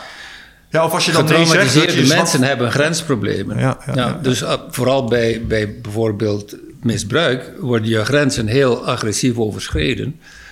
En dan heb je neiging om naar binnen te keren en, en niet meer die grens naar buiten aan te geven. Ja. Ja, dat is een groot onderwerp, hè, grenzen. De grens is, eh, ja. Ja. En, en, ehm, maar soms ook naar mezelf. Eh, in de zin van, eh, er, zit een, een soort rupsje nooit genoeg in mij. eh, Ja. die die een urgentie voelt om het leven Ja, op zijn ja. volste. En, en dan ja. Zou je nu deze klussen bij moeten nemen. Ja. maar die eigenlijk urgentie niet. heeft eigenlijk te maken met het feit dat woede is de vechtreflex. Ja. Dus dat betekent, neurologisch gezien, dat je sympathicus actief is. En die wil je activeren. Dus als je onderdrukte woede hebt, heb je altijd het gevoel dat je iets moet doen. Er zijn nogal wat mensen die altijd het gevoel hebben dat ze iets moeten doen. Ja? Dat is, dat is typisch voor, voor onderdrukte vechtreflex. Zijn- En niet echt kunnen niks doen zonder schuldgevoelens. Ja, vooral die. En, maar maar, maar wat, wat er dan ook tegen En als je dan iets begint te doen wat, wat het label nuttig heeft voor jezelf, Ja. Dan voel je je ook pas eh, volwaardig of zo. Bij manier van spreken. Ja. Ja. ja. Ja, oh, ja. interessant. Ehm, laatste dingetje eh, die ik nog even kort met je wilde bespreken. En dan wilde ik eh, de microfoon eens even opengooien voor wat vragen. Want ik kan me voorstellen dat jullie misschien inmiddels ook wel wat dingen willen weten van Jan. Ehm, maar dat is de relatie tussen wat we hier bespreken ehm, en, en de uiting in je fascia. En dan met name verklevingen. Ja. En dat is en de laatste keer dat wij hebben gepodcast, hebben we het heel even kort over rolfing gehad. Ik weet niet of je dat nog kunt heugen. Ja, ja. Maar dat ligt hier volgens mij heel dicht tegenaan. Ja. Ja. ehm, de, het bindweefsel is waarschijnlijk het meest onderschatte systeem in ons lijf. Ja. Ja. Dus bindweefsel, alles is met alles verbonden. En bindweefsel wordt dus vaak, bij de meeste mensen denkt men dan aan spieren. Maar bindweefsel zit overal. Je organen zitten in bindweefsel, je zenuwen zitten in bindweefsel. Dus het, het bindweefsel en het zenuwstelsel worden ook soms het neurofaciale systeem genoemd, want dat is één systeem, dat is het hele coördinatiesysteem. Maar het bindweefsel in, eh, in een levend mens is vooral water. Dus het vocht in het bindweefsel is een heel speciaal vocht. Dat is een gelachtig vocht. Dus in, in eh, natuurkundetermen heet dat fase 4 water. Oké. Dus het is water waar dus ook een beetje gelatineachtig water zo. Maar dat, dat water in het bindweefsel is kristallijn. En is dus heel geleidend. Dus de, onze snelste reactie op de omgeving komt via het bindweefsel, via het water in het bindweefsel. Dat is dus de reden waarom je kunt weten dat iemand naar je kijkt achter je. Ja. Nog ervaren dat je weet dat iemand Ja, ja. naar je kijkt? Dat pik je op via, via het water in je bindweefsel. Wat het veld achter je, daar is iets wat gebeurt. En je pikt dat op via die snelgeleidende eh, verbinding in jezelf. Is dit ook wat verklaart dat mensen soms van die bovennatuurlijke reflexen hebben? Zit ze zo, gooit iemand daar en dan weten ze toch Ja, op, een of andere manier mee te krijgen dat er iets gebeurt. Als, je, als, je, als de stroom door je lijf vrij is, heb je veel sneller refle- reflexen dan iemand die dat niet heeft. Ja. Dus de stroom die door ons lijf gaat, die gaat door het water. En wat is nu het, het verband met trauma? Is dat wanneer je trauma eh, meemaakt en je gaat in constrictie, dan wordt het water eruit geknepen. En als je niet terug naar normaal gaat, heb je dus plekken waar, waar geen water meer in het bindweefsel is. En daar is de geleiding ook verstoord. Dus vandaar dat je ook helemaal scheef kunt groeien. Om, dus als ik dat vergelijk met een spons, als ik een spons uh, uitknijp en ik laat ze drogen, dan gaat ze haar vorm niet, niet terugnemen. Een droge spons kan helemaal uit vorm zijn. Zodra ik er water bij doe, gaat ze naar haar vorm terug. Ja, ja, dus het kan zijn dat je door trauma helemaal scheef staat, omdat er, omdat er iets is wat helemaal uitgedroogd is en wat niet naar zijn vorm terug kan. En dus wanneer dat water terug in de fascia komt, kan je houding herstellen. Hmm. Dus en, en in, de, in de training zit dus een manier om dat van binnenuit te doen. Maar soms heb je echt een, een uh, bindweefseltherapeut nodig om, om, dat los te maken. Of een osteopaat of een craniosacraal. Ja, ja ik heb me daarover verbaasd. Ik heb een uh, opleiding gevolgd, die heet Mylogenics. is een soort fysio meets personal training. En wat wij deden was kijken naar verklevingen. Dus uh, iemand heeft minder mobiliteit in zijn heup. Ja. Oh, het zou maar zo eens kunnen zijn dat die spier of die spier vast Nou, die ga je dan losmaken. En wat, wat ze je dan de voorkant bij is, als je sommige spieren losmaakt, dan kan je bijna voorspellen dat iemand emotioneel wordt. Ja. Uh, psoas is er bijvoorbeeld één. Ja. Um, en als je die released, ja, Soms, soms moeten ze dan een traantje laten. Dus dat, dat werd er al een beetje bij gezegd. En ik heb dat in de praktijk ook gezien. Um, wat is dat? Ja, dus de, de psoas wordt ook de vecht- en vluchtspier genoemd. Hè? Dus de eerste reflex die we hebben om te overleven is onze onderbuik beschermen. Hmm. Dus wanneer wij geprikkeld worden, dan gaan we ook vaak zo. Dus en kinderen hebben ook heel vaak dat ze hun hoofd intrekken. Dus wij gaan eigenlijk zo ja. om ons te beschermen. Foetus. Dus ja, dus heel vaak zit heel veel lading in die vecht- en vluchtspier. En dus wanneer je die begint los te maken, dan beginnen er ook vaak emoties boven te komen. Maar er zit ook heel veel boosheid in de saus. Dus boosheid is heel vaak, uh, uit zich heel vaak als gewrichtspijn in de heupen en in de schouders en in de ellebogen en, enzovoort. Dus iedereen kent waarschijnlijk de uitspraak, je werkt op mijn heupen. Ja. ja. Oh. Dus dat, dat heeft te maken dat in de heupen heel vaak uh, boosheid zit opgeslagen. Maar ook dat daar door de heupen loopt ook de, de galblaasmeridiaan. Die loopt ook langs de heupen. En de galblaasenergie is de woede-energie. De leverenergie is de boosheid-energie. Dus de, de, ik ga het even toe. Ja, ja, ja. De galblaasmeridiaan loopt aan de buitenkant van mijn been en de levermeridiaan loopt aan de binnenkant. Dus veel knieproblemen en rugproblemen zijn boosheidproblemen. Ik heb, een, ik heb echt sinds ik hier bezig ben, heb ik een, een zeurende linkerknie. ja, maar dit zijn echt die dingen waarvan je dacht, als je me dit dus, lijkt vijf jaar geleden, zou ik zeggen, ga weg jongen. Ja, dus heel veel boosheid zit in gewrichten. Interessant. En dus je wervelkolon zijn ook eigenlijk gewrichten. Ja. Dus voor wie John Sarno kent, dat was eigenlijk zijn grote ontdekking dat mensen met rugpijn ook vaak maagklachten hadden. Dus daarom dacht hij, het moet meer zijn dan alleen maar fysiek. Dus en dan kwam hij er eigenlijk achter dat de meeste rugpijnen onderdrukte boosheid zijn. En de heftige rugpijn is onderdrukte woede. Dat, uh, en dat gaat dus, ja, je, je parasympathisch stelsel loopt dus ook helemaal langs je zenuwstelsel om je in actie te brengen. Ja. Ja, dus als je dat onderdrukt, de vechtreflex onderdrukt, want vechtreflex is woede en boosheid. Als je die onderdrukt, krijg je rugpijn. Hoe, hoe kijk jij in dat op? Dat vind ik wel interessant. Want daar heb ik, de, ik heb geen kickboxles in je trainingen kunnen ontwaren. Hoe kijk jij tegen de agressieregulerende werking van uh, vechtende bewegingen maken? Dus uh, ik, ik doe veel schaduwboksen. Ik had als ja, volgens mij ben ik nu ook agressie aan het ventileren of zo. Maar ja. ik weet het niet 100% zeker meer. Uh, ben ik niet juist dat ding aan het voelen? Ja, soms kan het een ontlading zijn, soms kan het ook een, het ontwijken zijn hè, van, van een lading. Okay. Dus ik kan dat niet zwart op wit zeggen van het zal altijd dit of dat zijn. Nou, wat ik wel eens merk is dat als ik, uh, als ik ga trainen, stel uh, als we het hebben over dingen die me frustreren en ik kan, ik kan boos worden, dan kan het een heel goed idee eh, zijn voor mij om lekker even te gaan schaduwboksen. Ja. Dan, dan kan ik het eruit gooien. Maar tegelijkertijd voelt het ook als wat jij zei, dat ik de, de trigger aan het opzoeken ben in mijn hoofd. Gecombineerd met een gevoel van daadkracht of zo. dat dingen zoals met een, een tennisraket op een matras slaan, dat dat niet echt therapeutisch nee, is. Dus, okay. Het is een ontlading, maar het pakt niet echt de oorzaak aan. Ja, maar je voelt je wel tijdelijk opgelucht. Ik, ik ben ook opgelucht als ik tegen jou kan schreeuwen. Ja. ja. Daarna ben ik het kwijt. Maar de reden waarom ik tegen je schreeuw is niet weg. Nee, dus we hebben tijdelijk even de druk eraf gehaald, maar die druk zal weer dus opbouwen. ja, dat is de ketel die even stoom aflaat. Ja. Ik snap het. Ja. Oké.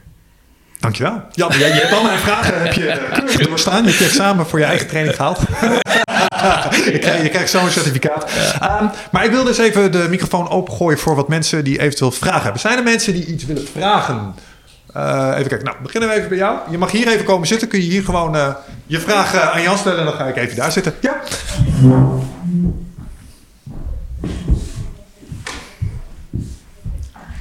Hi. Leuk. We gaan een Hoi, Jan. podcast doen. Ja. Eh, mijn naam is Sandra en eh, ik eh, had jouw naam wel eens gehoord. Ja. En ook wel van jouw werk. Ik heb net ook je naam gehoord. Klopt. ja. Hoi. Ja. En ik heb heel veel boeken gelezen, Ja, maar van jou dus nog geen één. ja. Ik heb inmiddels drie podcasts geluisterd. Ik zei net ook tegen Michel, ik had je onderweg, had ik jullie nog in mijn oren. ja. Ehm, als ik nou een van jouw boeken ga lezen, Ja. dus voor de mensen die nog niets van jouw werk gelezen hebben, Ja. wat zou je me aanraden, aanraden om mee te beginnen? Met welk boek? Mm, dan zou ik in, in de context van waar we hiermee bezig zijn, minder moeten, meer flauw nemen. Minder moeten, Moeten, meer, flauw, ja. Want dat moeten heeft natuurlijk heel veel te maken met de innerlijke druk. Ja, En ik moet omwille van mijn geloofssystemen enzovoort. Dus eh, naarmate dat moeten wordt opgelost, ben je meer in de flow. ja. Dat is de korte versie van het boek. ja we, we moeten heel veel van onszelf. ja, we hè? moeten heel veel van onszelf, ja. En we mogen ook sommige dingen niet. Hè? Dat is moeten en niet mogen. mooie. Ja, Ja, ik zeg altijd, alleen overleven is moeten.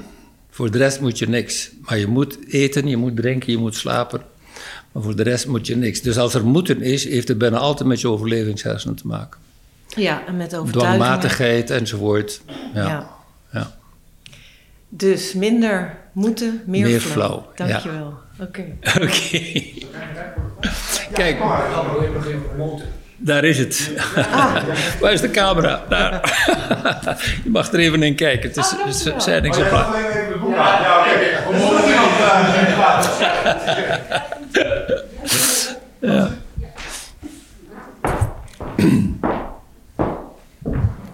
Hallo.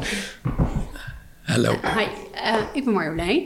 Dag Marjolein. Ehm, op uitnodiging van mijn eh, lieve vriendin mocht ik vandaag mee. Ja. Eh, fijn dat ik hier mag zijn. Ik, Ja. ehm, ehm, ik zit dus precies in zo'n fase, daarom vind ik het ook een cadeautje dat ik hier mag zijn. Ja. Dat ik dus in mijn boosheid vastzit. Ja. Hmm. Nou heb ik een chronische immuunstoornis. Ja. En ik heb geleerd vanuit de immunologie Ja. dat dat ook samenhangt met je eh, darmen. Ja. En ik denk dat het ook Ja. door mijn pijnen die ik fysiek Ja. voel, Ja. dat het ook samenhangt met mijn hersenen. Dus, Ja, ehm, Het hangt allemaal samen. dat Ja. hangt allemaal samen. Dus ik ehm, wil eigenlijk weten waar moet ik beginnen om mijn immuunsysteem in balans te krijgen, dat de woede minder wordt en dat ik minder ziek word. ja. Wauw. Ja, Heb je even. ja. Nou ja, de, wat eigenlijk de ingang is, is het zenuwstelsel. Al die systemen hangen samen. Ja. Dus zenuwstelsel, hormonaal stelsel, immuunstelsel, dat is één systeem. Wij kunnen dat onderscheiden, maar het is één systeem. Maar het is voor mij niet mogelijk om rechtstreeks naar mijn immuunsysteem te gaan. nee. Maar ik kan wel mijn zenuwstelsel bereiken. Ja. Dus als mijn, mijn staat van mijn, zijn, mijn zenuwstelsel verandert, verandert ook mijn hormonaal systeem en mijn immuunsysteem. Ja. Dus de kwestie is om te weten waar is de ingang. Dus als je vraagt waar moet ik beginnen, Ja. bij het zenuwstelsel. En, en je hebt het dus goed dat dat ook met de buik te maken heeft. Want er is een heel belangrijk zenuwstelsel dat in de buik zit. Dus ons oudere zenuwstelsel zit in de buik en is verbonden met onze oude hersenen. En die boosheid is ook verbonden met de lever. Dus veel van die dingen hebben te maken met de buik. Dus de buik is veel meer dan de darmen. Dus wanneer je bijvoorbeeld grote angst hebt, heb je ook bla- blaasproblemen. En, en, en de nieren zijn dan ook weer mee verbonden. Dus de bijnieren zijn wat eerst reageert als je, als je boos bent, maak je adrenaline aan. Dat zijn je bijnieren. En die adrenaline zorgt ervoor dat je, na, je aderen vernauwen en dat het bloed naar je armen en benen gestuurd wordt. Dus het is allemaal één systeem. Maar dus om je vraag te beantwoorden, het is via het zenuwstelsel dat je de andere systemen kunt veranderen. Maar ehm, ja, misschien heel raar. Ik heb dus een DNA-fout in mijn immuunsysteem. Werkt het dan nog steeds? Nou ja, dat zijn gevaarlijke dingen om, om, daar Ja. zo, om, om dat zo zwart-wit te stellen. Ik heb een een fout in mijn DNA. Dus DNA is ook een informatiesysteem. En als de informatie verandert, verandert ook het DNA.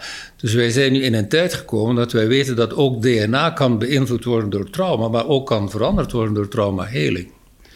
Dus er zijn twee dingen in, in het DNA wat je moet onderscheiden. Dus, eh, dat is de, de informatie in de cel, maar ook hoe, de, hoe DNA zich uit. En dat is wat epigenetisch genoemd wordt. Dus welke, welke slotjes gaan open en welke slotjes zitten dicht. Ja. Dus en de meeste problemen zijn epigenetisch. Dat je, er niks aan de hand is met je DNA, maar dat de expressie van het DNA beïnvloed is door trauma. En dat is vaak zelfs trauma van de ouders. Dus het, het, is niet altijd onze eigen ervaring die, die ons DNA uh, anders doet uiten. Het kan zijn, bijvoorbeeld mijn ouders hebben de Tweede Wereldoorlog meegemaakt. En hun ouders de Eerste Wereldoorlog.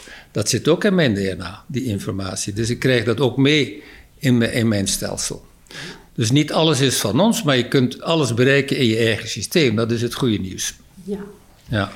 Dus ik zou niet te snel zeggen, ik heb een defect. Dat is, want dat klinkt zo als iets waar je niks kunt aan doen. Nee, dat klopt. Maar ja. we gaan er heel hard aan werken. Ik vond het stukje net, als ik nog één vraag mag stellen. Ja. Uh, je zei dat die dingen kan aanvoelen door je watersysteem, ja. zeg maar. Ja. Uh, nu heb ik dus ook onder andere door de, mijn immuunstoornis een uh, behoorlijke oogafwijking. Ik zie maar 3%. Dus ik doe altijd ja. alles op gevoel. En ik heb Ja, dus heel ja. snel dat ik dingen aanvoel. Ja. Maar als ik bozer ben of slechter in mijn immuunsysteem zit, is die antenne minder. Ja, dat is logisch. We zeggen ook in blind van woede, hè? de, de boosheid heeft invloed op, je, op je gezichtsvermogen. Ja. Nou, dan is die altijd al heel slecht, maar Het hangt allemaal samen. hangt Ja. alles samen. Maar het hele punt is dat je via het zenuwstelsel het hele systeem kunt veranderen. En dat dat ook via de fascia kan. Oh, Dus in veel gevallen is het zo dat wanneer je fascia-behandeling krijgt, dat er allerlei dingen beginnen te helen, dat je niet weet waar ze vandaan komen. Omdat heel veel geknepen zit in, in, in de fascia. Ik zou het toch een keer uitproberen om, om Ja. met een bindweefseltherapeut te werken. Die kunnen, en ook osteopaten, soms één sessie met een osteopaat en je hele leven verandert. Heel- ja, Ja, oké. Ja, ik doe zelf dus gezichtsmassage om het bindweefsel in mijn gezicht eh, te Ja. stimuleren, zodat ik er fris en fruitig blijf. ja, ja. ja. En ik weet dat dat werkt, dus nou ja, Eh, wie weet. Ja, ja. Nou, en je kan ook oefeningen zelf doen door punten aan te raken rond je ogen en, en verbonden te ademen. Dus want als je verbonden ademt, bereik je dus energie. Dus als ik een punt vasthoud en ik blijf verbonden ademen, begint mijn zenuwstelsel te antwoorden. En dan kan ik beetje bij beetje dingen loslaten. Dus dat zijn allemaal oefeningen die ook in de cursus staan, als je, mocht je interesse hebben. Zeker. Ja. Ja. Wauw. Nou, dank u wel. Ja, En, nou eh, goed dat je, Fijn dat ik mag komen. goed dat je de vraag gesteld hebt. Dank je wel. Ja. Alright, next.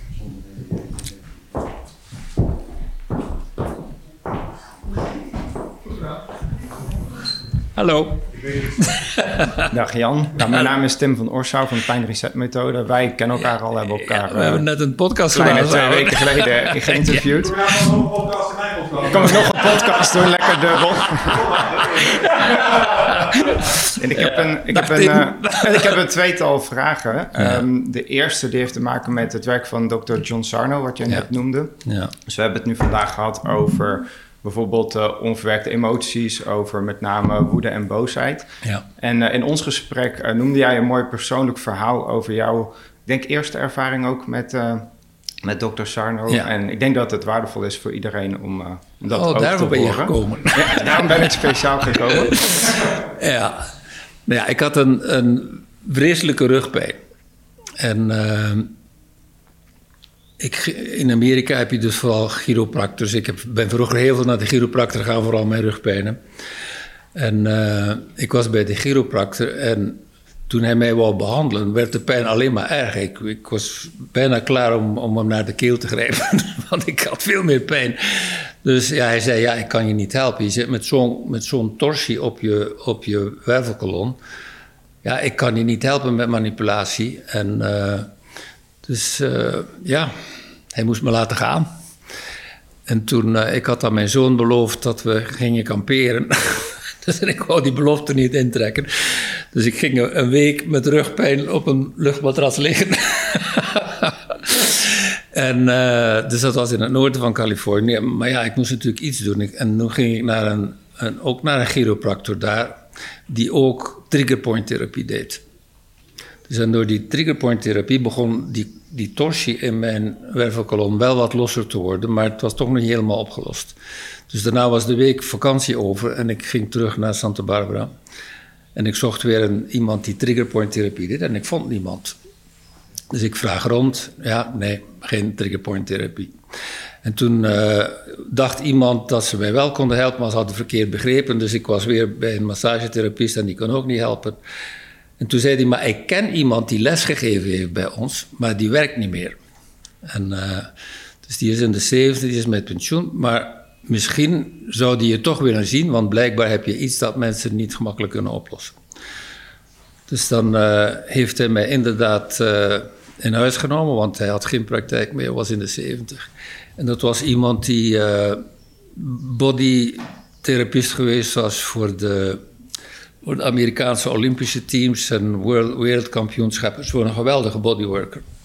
Dus ik had één sessie met hem in zijn woonkamer, had hij toch nog zijn tafel staan. En dat ging zoveel beter, wat hij deed. En de tweede keer dat ik terugkwam, zei ik ga je 25 dollar korting geven, maar dan moet je een boek lezen en dan wil ik je nooit meer zien. en dat was dus het boek van, van Sarno, van Healing, uh, Healing Back Pain.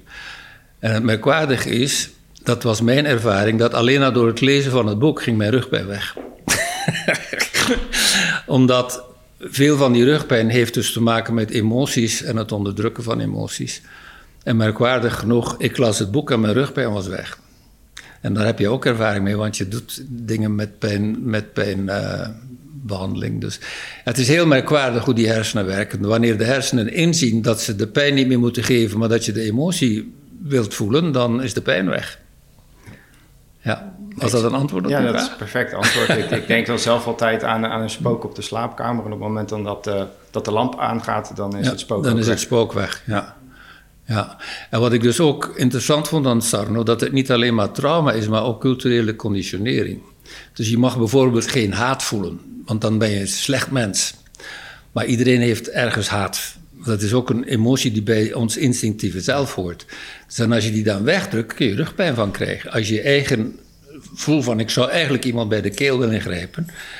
Uh, en ik, ik, haat die persoon. Weet je wel? Ik weet nog dat mijn, mijn jongste zoon op een bepaald moment zei: I hate you. nou, hij meent dat natuurlijk niet, maar op dat moment is dat wat hij voelt. Ja? Dus en als je haat onderdrukt, krijg je ook rugpijn.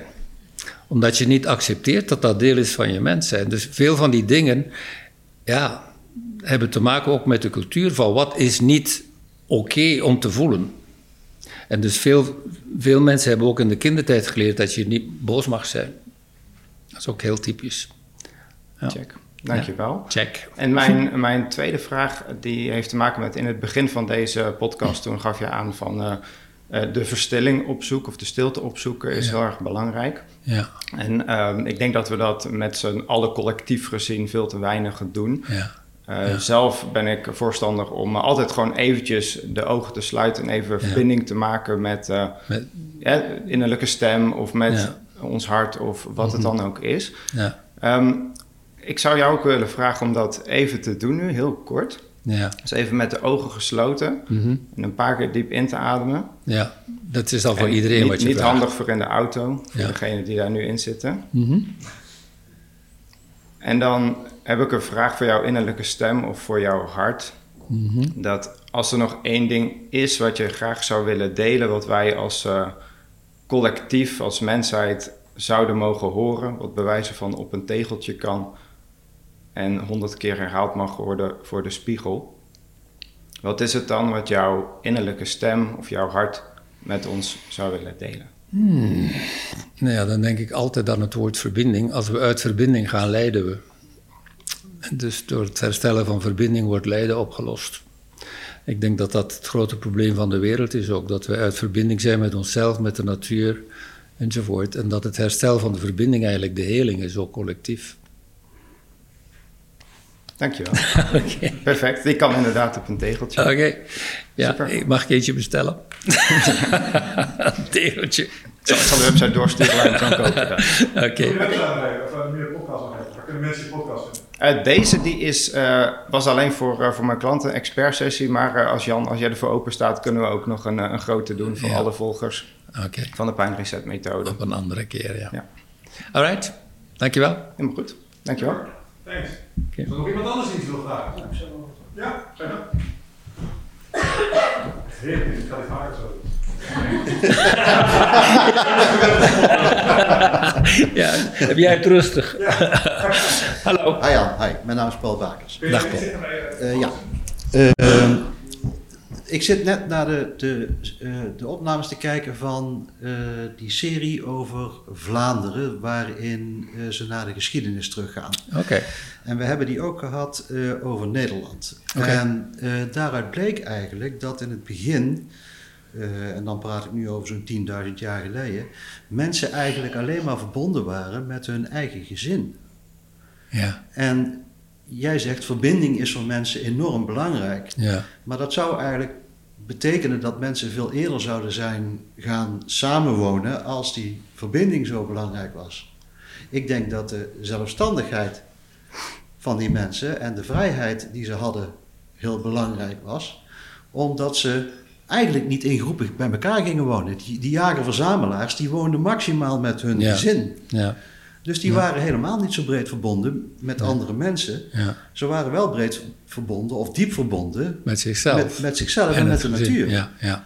Ja. Maar dus het, het overleven in groepen is evolutionair veel later gekomen. Dat wij, dat wij ons veiliger voelen als groep eh, dan alleen. Dus ja, als, je, als, een, als een groep een gezin aanvalt, dan heeft dat gezin geen kans. Maar als een groep bij een groep komt, dan heb je wel een kans. Dus Ja. er zit ook een overlevingsstuk in natuurlijk. Dat Ja, maar- naarmate er meer mensen kwamen, zijn we ook meer in groepen gaan leven. Maar is het dan niet de eerste stap die we moeten maken? eh, eh, misschien niet ons verbinden met, met, met mensen, maar weer ons terugverbinden met de dingen die er werkelijk toe doen. Ja, De, absoluut. de natuur, onze Absoluut, voeding, ja. eh, En je eigen buik. omgeving. Daar begint het natuurlijk. Ja, en daarna pas Ja. weer hè, Ja. vanuit die veiligheid ons weer gaan verbinden met Maar andere denk, mensen. Ik denk dat je daar ook een maatschappelijk probleem aan raakt. Is dat het gezin als bouwsteen van de maatschappij ook onder druk staat. Dat bestaat niet meer. Ja, dus het, ik denk zelfs dat dat een van de helingsprocessen van de maatschappij is. om eigenlijk het, het gezin als kern ook weer in, in waarde te herstellen. Dus er zit een hiërarchie in de verbinding, in de, Ja, ja. no- in de noodzakelijkheid Ja, van verbindingen. Ja, absoluut. En ja, er zijn ook mensen die zeggen: het, het, eh, het werk in de wereld begint thuis. Hè? Verbeter de wereld begint bij jezelf, Ja, was, was zo'n en hele ook in goede je, vroeger, ja. en, en, en je meest nabije relatie. Dat zijn ook de mensen die het eh, gemakkelijk kunnen triggeren. Ja, ja klopt. Ja. Nee, dankjewel. Dat eh, wou, ik even Ja, met je over dankjewel. praten. Dank je. Oké. Super. Zijn er nog meer mensen die iets willen vragen? Ja. Ja. Hi. Nou, ik ben Dirk Sjevalking. Ietsje dichterbij, Rick. Ik, ik ben Dirk Sjevalking. Ik ben blij met je aan tafel te zitten, Jan. Ja, ik Dirk. eigenlijk dat er nog een kopje koffie bij mag. Ja. nee, ik ben ontzettend eh, blij eh, je in levende lijven te mogen ontmoeten. Ik ken je naam ook van social media. Ja, ja, maar, ja, Ik nu zitten we face-to-face. ik weet dat jij ontzettend druk bezet bent, maar ik wil gewoon aangeven dat ik zo ontzettend enthousiast van jou word. Dat is echt onbeschrijfelijk. Dankjewel, ja. Eh, je hebt ontzettend veel eh, invloed eh, op mijn persoonlijke ontwikkeling, maar ook op mijn dagelijks werk. Ik ben bokstrainer, ik doe heel veel somatisch werk. Ja, ja, ja. ja. En je- nou, je hebt geen idee wat dat dagelijks jouw content voor input zo- zorgt. Dat is echt, Ja. ik wil je daar echt voor bedanken. Dank je. Ik word daar zo enthousiast van, dat is niet normaal. ja Oké. Dan heb je eh, ook een vraag. Sorry? Heb je ook een vraag? Ja, ja, ja, ja, maar dat wil ik wel. Ik denk, ik pak even ons Ja, momentje. ja, ja, ja, want we- ja. nee, de vraag is, eh, je hebt het eh, natuurlijk over complex trauma Mhm. en eh, over eh, eh, vroegtijdig eh, kinderlijk eh, trauma. Ja. Hoe, hoe kijk jij aan, je, hebt het, je noemde het in een vorige vraag al, tegen eh, de rolerende rekening vanuit vorige generaties in dit Ja. verhaal. Ja. Zou je dat misschien iets specifieker kunnen duiden? Want heel veel dingen waarmee we natuurlijk eh, worstelen zijn onzichtbaar. Ja, Hè? En ja.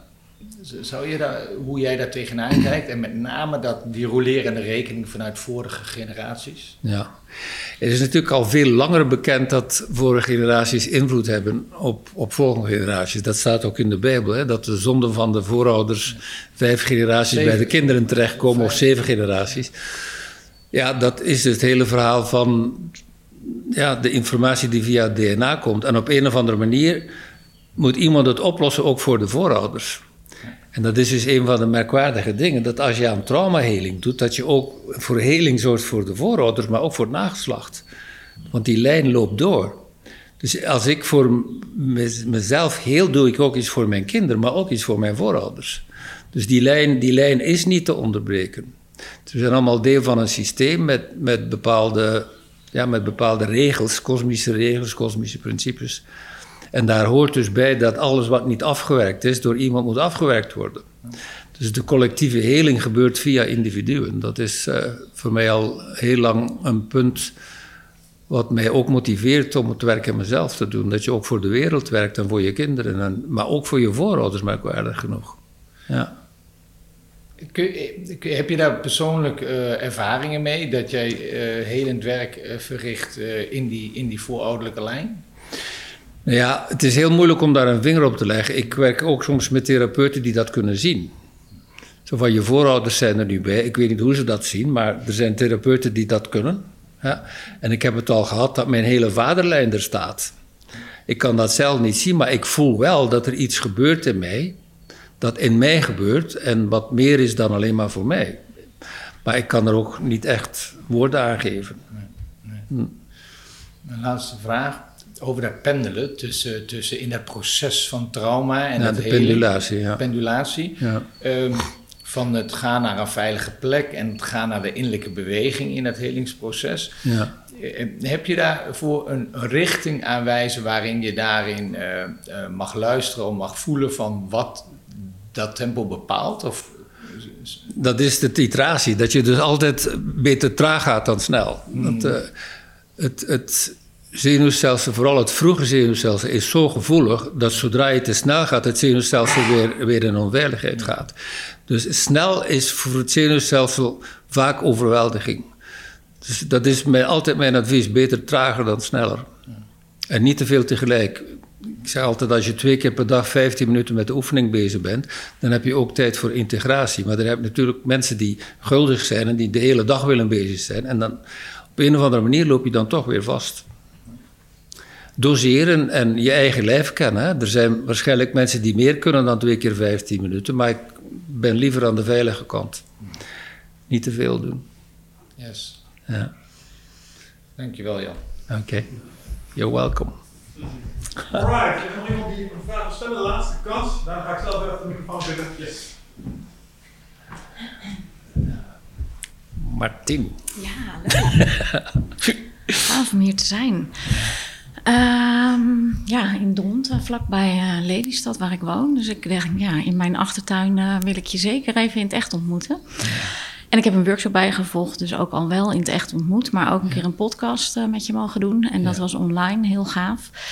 Ehm, mijn vraag is eigenlijk, ik werk veel met hoogsensitieve professionals. Ehm, en in de podcast die wij samen gedaan hebben, eh, vertelde je ook over een link die jij ziet tussen HSP en trauma. Ja.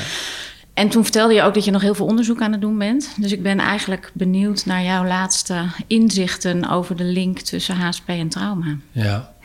ja, ik ben eigenlijk voor mezelf tot de conclusie gekomen dat het zowel trauma is als, als eh, aanleg. Ja. Dus je kan ook geboren worden met dat je al gevoeliger bent dan iemand anders. Dat is niet per se alleen maar trauma. Je hebt ook persoonlijkheidstypes. Ik ben nogal van de vier elementen in de, in de traditionele visie. Dus als je meer een watertype bent, heb je sowieso meer gevoeligheid. Maar daarbovenop kan trauma dat, dat, dat uitvergroten. Maar ik denk echt dat het zowel nurture als, als nature is. Ja, dus Die dat beide. hooggevoeligheid, ja. ja. En is het dan ook iets wat getriggerd kan worden door trauma extra, zeg maar? Of dat het aangezet kan worden Dat- eigenlijk? ja, en dat het uitvergroot wordt. ja. Ja, precies. ja, ja, absoluut. En die, kinder, die kinderen zijn ook als kinderen al gevoeliger, dus die gaan ook gemakkelijker overweldigd worden en gemakkelijker getraumatiseerd worden. Ja. Vanuit aanleg al, ja. Maar ik denk echt dat het beide is. Ja. Je hebt ook kinderen die veel meer kunnen verdragen van nature. Want vanuit de wetenschappelijke onderzoeken wordt er natuurlijk gesproken over die 20 procent, die, uh, die dan hoogsensitief is ten opzichte van, nou ja, de niet hoogsensitieve, even zo gezegd. Ja. Uh, zou het dan ook zo kunnen zijn dat daar een, een, een deel is wat dan latent, zeg maar, HSP is, maar daardoor trauma pas dat het meer aan de oppervlakte van komt. Zou, ja. Want HSP Mensen hoeft zijn vaak minder bewust van hoe ze anders zijn dan anderen. Hè? Ja. Men pra- praat ook steeds meer over neurodiversiteit in plaats van daar een label op te plakken. Hè? Dat mensen verschillend bedraad zijn. Ja. Dat is veel Sowieso. minder, veel minder beoordelend. Hè? Ja. Ja. ja, ik zie het ook veel meer als een, een ehm, ontdekkingsreis in de persoonlijke ontwikkeling. Hè? Ja, van het ja. ontdekken van je eigen gebruiksaanwijzing. Ja, Van hoe zit ja. je in elkaar en hoe En kan iedereen dat? is uniek en dat is ook belangrijk om te weten dat je nooit moet vergelijken met anderen. Nee, nee. nee. mooi. Dankjewel. You're welkom. Leuk. Ja. Zo. Was ik weer. Hey. Bijgekomen. Hoe is het En, en jouw, naam, jouw naam is Michel. dat Ja, weet ik was Goed onthouden. Klasse. Um, goeie vragen allemaal. Super. Echt uh, leuk om te horen. En uh, als jij uh, uiteindelijk je podcast nog gaat uitbrengen, alsnog stuur even een linkje en dan zorgen we dat die er in de show notes bij komt. Supergoed. Um, en ik heb eigenlijk niet super veel meer te vragen. Anders dan, en dat, dat zou denk ik maar zo eens een podcast op zich kunnen zijn. Dus voel je vrij om daar op de hoofdlijnen over te spreken. Een van de onderwerpen die wij off-camera hebben aangeraakt zijn dingen als de Kabbalah. Uh, ja, ja, ja, let op. Dan komt je uit een zijstraat. Nee, een zijstraatje. en uh, dan gooi ik nog een uh, schepje bovenop. De tarot. Uh, hebben, we, hebben we het ook over gehad. Ja. Uh, ik, ik, ben bezig geweest. Die hele symboolwereld. Ja, de, body and its symbolism en ja. uh, dat soort dingen. Daar ben ik... Heb je ooit dat boek gelezen? Ja, ik heb het gekocht. Ik ben bericht ook. Ik vind het een moeilijk boek. Dus, zoals ik al zei, dat, je dat moet is een... meer dan één keer lezen. Zeker, zeker. En dat is wat mij betreft ook een, een podcast op zich. Maar wat ik me zat af te vragen, gelet op wat ik er nu al over weet. Als je zit te werken in waar we het vandaag over hebben gehad. Waar zit dan de relatie met. Waar zit je te werken in, in dat systeem? Want ik denk dat, dat uh, als je kijkt naar wat jij biedt, is dat jij mensen helpt om bepaalde van die punten te activeren of vol in hun kracht te zetten, zodat alles beter ja. kan gaan stromen in die levensboom. En ik ja. was even benieuwd waar je precies aan het werk bent op het moment dat je met dit werk bezig bent. Overal. Dus uh, verdeeld over dat hele. Het kan heel, heel veel verspringen in die voor de mensen die de levensboom niet kennen, dat, het is dus meer, een meer uitgebreid systeem dan de chakras. Ja. Je hebt zeven chakras, maar in de levensboom heb je tien bollen. Ja. Dus het is, het, het is nog iets meer gedetailleerd, maar het komt eigenlijk in dezelfde richting. De, de Kabbalah komt meer uit het Midden-Oosten en Hmm. de chakras uit het Oosten. Maar dus als je met trauma werkt, ben je ook met chakras bezig en met energiecentra. En dus je, Heel vaak zitten we in de, in de navelchakra te werken. Hè? Het, het waterelement en de buik, daar zijn we heel veel aan het werken. Maar op andere momenten zit je in een andere chakra te werken. Je kan ook hartepijn hebben en je kan ook dicht zitten in je keel. Mhm. Dus in die levensboom is dat ook zo. Je kan hoger en lager in de levensboom zitten, maar in het midden zit altijd het hart. Dus ook in het midden van de levensboom, het hart is altijd het centrum. Dus de hele bedoeling is dat wij meer in ons hart kunnen zijn. En dus al die helingsprocessen gaan in dezelfde richting. Dat ik meer vanuit mijn hart kan leven en Mhm. minder vanuit mijn conditioneringen en mijn hoofd. Dat is een heel kort antwoord, maar... Ja, en, Ja. en Met, en met als doel, en dat is misschien ook nog wel een mooie om het, eh, het af te ronden. Want ehm, kijk, we hebben het nu gehad over trauma. En, en iedereen snapt intuïtief wel eh, waarom het een goed idee is om er iets mee te doen. Ja. Maar wat is nou eigenlijk het echte doel van traumaverwerking? Ja, mijn, mijn definitie is dat je weer helemaal in je lijf kunt zijn, klaar voor actie, maar ook zonder schuldgevoel niks kunt doen. Dat klinkt echt als een hele fijne staat van Dat, zijn. dat is voor mij de staat waar je terug naartoe wil. Ik kan actie nemen als ik wil, maar als ik niks hoef te doen, heb ik er ook geen last van. Ja, en, en er Ja. zit een waardeoordeel in deze vraag. Maar is dat hoe je denkt dat we horen te zijn? In tegenstelling tot dat we Ja. nu door omstandigheden Je, zijn. je optimale staat is dat je altijd keuzevrijheid hebt.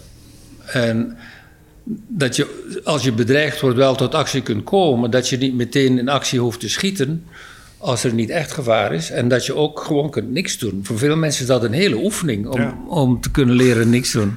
Ja. ik Ik noem geen naam, hè? Nee, ik heb een quote en die zal misschien veranderen op het moment dat, dat ik dit probleem beter aanpak. Ik zeg wel eens, de me- soms is de meest gedisciplineerde daad niets doen. Omdat het zo'n effort is om niets te doen. En, en wat ik hieruit weghaal is dat zou het niet moeten zijn. Het is geen effort om niks te doen. Het is een natuurlijke staat. Dat je in staat Ja. bent om niks te doen. En dat je ook in staat bent om iets te doen. Dat je in dat centrum bent. Want dat is uiteindelijk wat het is. Als je gecenterd bent, kun je alle kanten op. Ja, Links, rechts, boven, onder. In balans. In balans. In balans. Ja. Jan, dank je wel weer voor de inzichten en eh, voor de wijsheid. En, en vooral ook de tijd die je willen nemen om dit eh, met ons te delen. Ja. Eh, ik kan me voorstellen dat als je hier naar luistert, dat je misschien ook denkt: oké, cool, I, I gotta get in on this. Ik wil hier misschien ook wel iets mee. Ja. Als ik me niet vergis, heb jij misschien nog iets eh, voor mensen die hier naar luisteren en hier iets mee willen. Een kleine verrassing nog. Kijk ook even met de schuine oog naar je compagnon. Eh, ik suggereer op jeugdtrauma.com en dan iets doen met een kortingscode als je de Ja. training ook wil doen. Dat, dat is Joras. Je bent niet gebriefd door Joran met de kortingscode. Maar het is volgens mij eindpasen. eh, Speciaal voor de luisteraars van de podcast. dus als je op jeugdtrauma.com de Ja. code eindbazen 50 eindbazen gebruikt... 50, ja. dan krijg je een, een fantastische een korting, op het lespakket... ja. waar ik het zojuist uitgebreid over heb gehad. Ja. En ik wil je nog een laatste compliment geven. Eh, dat vond ik echt super mooi. Het is voor mij een hele belangrijke. voor de rest van de wereld veel minder. 42 video's is het perfecte aantal video's. Omdat 42 is het antwoord op het universum, het leven en alles. En is dit je 42e podcast? Jij hebt 42 eh, video's in je online leeromgeving staan. Kijk eens, Joran. En hier, jij kende hem. Ja, ja jij kende hem. Supergoed. 42, ja. 42. Ja, ja. En Joram zei, er moet één af. Dus eh, En dat was daarom waarschijnlijk. Goed gedaan, Oké, dit was weer. Luisteraars, bedankt voor het luisteren. Mensen die hier naartoe zijn gekomen, tof dat jullie er waren. Jan, super bedankt. Mensen, tot de volgende keer. dankjewel. Ciao.